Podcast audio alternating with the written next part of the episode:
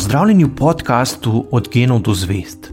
Moje ime je Sašo Dolinc in pripovedoval vam bom zanimive zgodbe iz sveta znanosti.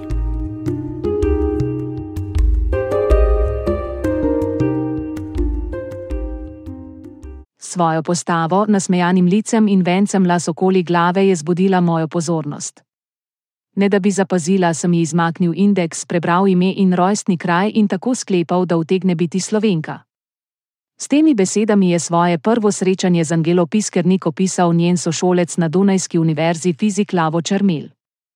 Študij je končala tik pred Prvo svetovno vojno in konec leta 1914 postala druga slovenka, ki si je pridobila doktorski naziv iz naravoslovja. Nekaj let pred Angelo je namreč iz kemije v Pragi doktorirala že Ana Jenko. Angela Piskernik se je rodila 27. augusta 1886 v Lobniku pri železni kapli na Koroškem v veliki kmečki družini. Po končani ljudski šoli je šolanje nadaljevala v Celovcu in jeseni 1910 maturirala v Gradcu. V njenem maturitetnem spričevalu je pisalo, da lahko nadaljuje študij na univerzi, a le, ukolikor je to po obstoječih predpisih ženskam dovoljeno. V času študija na Dunaju se je zaročila z umetnostnim zgodovinarjem dr. Francetom Steletom, a je njuno poroko žal preprečila Prva svetovna vojna. Steleta so poleti 1914 upoklicali v vojsko in ga poslali na rusko fronto. Že septembra 1914 so ga pri Galiciji zajeli Rusi in ga kot vojnega ujetnika poslali v Sibirijo. Zaročenca sta poskušala ohranjati stike prek pisem in razglednic, a pošta takrat ni bila zanesljiva. Leta 1916 je iz sibirskega tjumna srcu najljubšo Angelo, njen zvesti Franjo, spraševal, ali se je že preselila v Ljubljano. Leto kasneje je iz sibirske tare sporočil, da se uči turščine in španščine, poskuša s kirgiščino, zlasti pa študira po knjigah, ki so prišle iz Leipciga. Pred vrnitvijo domov ga dve leti ni dosegla nobena pošta iz domovine, vračal pa se je prek Sibirije, Japonske in Amerike, zato je prišel v Slovenijo šele avgusta 1919. Ponovno srečanje z zaročenko pa ga ni tako razveselilo, kot se je nadejal.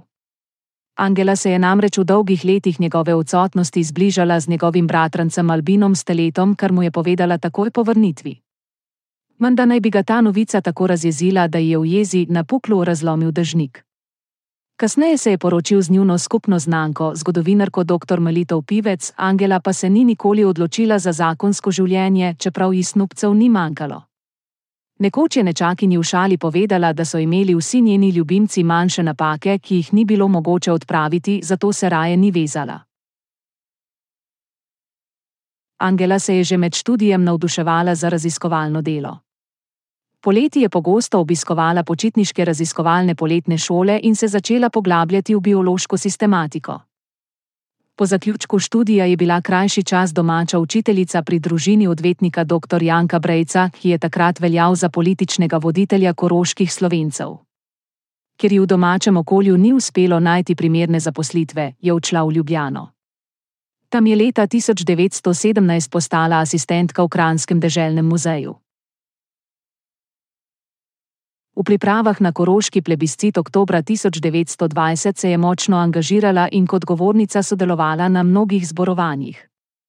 Spoznala se je tudi z generalom Rudolfom Majstrom, s katerim sta se menda rada s čovnom prevažala po Vrbskem jezeru in kovala strategije, kako bi lahko ljudi prepričala, da bi na plebiscitu glasovali za priključitev kraljevini Srbov, Hrvatov in Slovencev. Leta 1921 je v znanstveni reviji na Dunaju objavila raziskovalni članek o vplivu fluorescentnih barvil na semena in zanj sama posnela fotografije, kar ji je omogočilo, da je postala članica botaničnega društva v Berlinu. V Ljubljani se je družila s trnovskim župnikom in pisateljem Finžgarjem ter objavljala poljudno znanstvena in strokovna besedila v različnih slovenskih revijah in časopisih. V Trnovem se je družila tudi z umetnostnim zgodovinarjem Izidorjem Cankarjem, ki je nekaj let tam tudi stanoval. Da so se zelo dobro poznali, priča tudi škandal, ki je takrat pretresel Ljubljano. Izidor Cankar se je leta 1926 odločil, da bo opustil duhovniški poklic in si ustvaril družino. Finžgar se je spominjal, da ga je neki prelad začuden vprašal: Koga bo pa vzel? Angelo? Predvojna Ljubljana neporočenim šolanim ženskam ni bila naklonjena. Angela se je spominjala, da so jo pogosto gledali po strani. Takole je zapisala: Šla sem sama v kavarno v družbo svojih kolegov z univerze, videle so me ljubljanske dame, ki so bile brez poklica in so živele na račun svojih mož, in tako je nastalo marsikatero zanimivo obrekovanje. Ko so njeno delovno mesto v muzeju zaradi vrčevanja ukinili, je postala gimnazijska učiteljica v Ljubljani in krajši čas tudi v Novem mestu. Poučevala je prirodopis, matematiko, fiziko in nemščino, pri pouku higiene pa je mimo učnega načrta dekletom predavala tudi spolno vzgojo. Ko so v Ljubljani ustanovili radio, je postala ena prvih radijskih predavateljic in po radiju učila nemščino. Iz njenih predavanj je nastalo več učbenikov in slovarjev.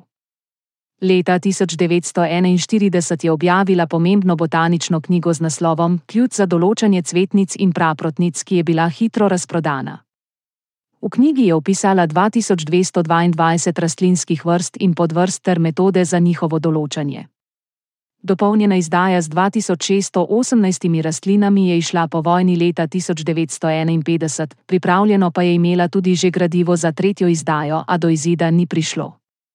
Njen ključ za določanje rastlin je bil do uporabnikov prijazen, zato so ga ljubkovalno imenovali kar piskernica. Angelo je vse skozi seveda zanimala profesura na Ljubljanski univerzi. Ohranilo se je njeno na roke napisano pismo dekanu filozofske fakultete profesor dr. Ivanu Prijatelju. Takole je napisala: Ljubljana, 7. november 1932. Velecenjeni gospod dekan, razni motivi so me naklonili, da nisem prosila za mesto docenta botanike, čeprav sem svojo prošnjo pri vas in gospodu profesor Hadžiju že oficialno najavila. Ni pa izključeno, da bom prosila, čim bo objavljena moja razprava o flori na črni prsti za privatno docenturo. Prosim vas, da zasledujete svojo ljubeznivo naklonjenostjo moje znanstveno stremljenje, da me bodite v času, ko bo postalo vprašanje privatne docenture aktualno, sprejeli z veseljem in brez bojazni med svoje. Z izrazom najodličnejšega spoštovanja v dana, Angela Piskernik. Novembra 1943 so jo aretirali in odpeljali v koncentracijsko taborišče. V kartotekah domobranske policije se je ohranil zapis, da je imela zveze s Kidričevo družino. Nemci so jo z domobransko pomočjo v internacijo poslali zato, ker se je pogosto družila s Francetom Kidričem, profesorjem na Ljubljanski univerzi in očetom Borisa Kidriča, enega ključnih ljudi Osvobodilne fronte. Takole se je spominjala razčlovečenja ob prihodu v taborišče. Ne evropajo te samo premoženja, ne poberejo ti samo ure, nakita, prstanov, uhanov. Ne slečejo te samo do golega že prvi dan ter te oblečejo v sivo modre kaznjeniške cunje iz trde lesne volne. Ne vzamejo ti samo dokumentov in legitimacij, vzamejo ti prav vse. Vzamejo ti tudi naslov in ime.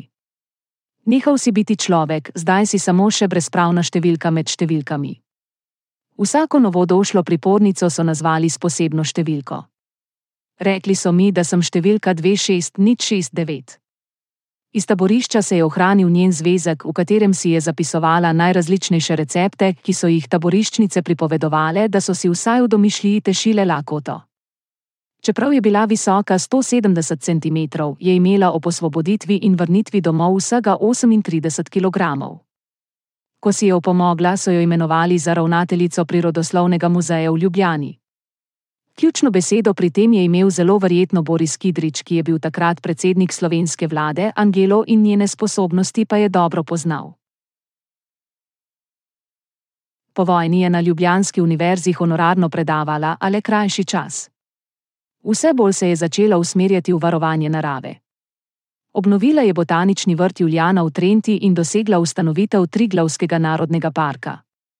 Prav tako je predlagala ustanovitev gorske straže, na njeno pobudo pa so sprejeli tudi odlog, ki je prepovedoval izvoz ptic iz Jugoslavije. Njena nečakinja se spominja, da sta nekoč na jesenicah iz nekega vagona zaslišali zvoke ptic. Angela je intervenirala pri načelniku postaje in dosegla, da tovor ni odpotoval naprej v Italijo. Le nekaj mesecev pred smrtjo je v Nemčiji za uresničevanje ideje narodnih parkov v Jugoslaviji prejela prestižno mednarodno nagrado. Pred nabito polno dvorano je v navzočnosti rektorja Bonske univerze in dekanov vseh fakultet predavala o Triglavskem narodnem parku. Ob tem ni pozabila omeniti, da je njeno znanje nemščine utrjevalo tudi sužensko bivanje v nemškem koncentracijskem taborišču. Umrla je v 82. letu starosti, nekaj dni pred božičem leta 1967, za posledicami perikarditisa oziroma vnetja tkiva v okolici srca. Zadnje mesece je kljub bolezni intenzivno pisala botanična gesla za slovar slovenskega knjižnega jezika.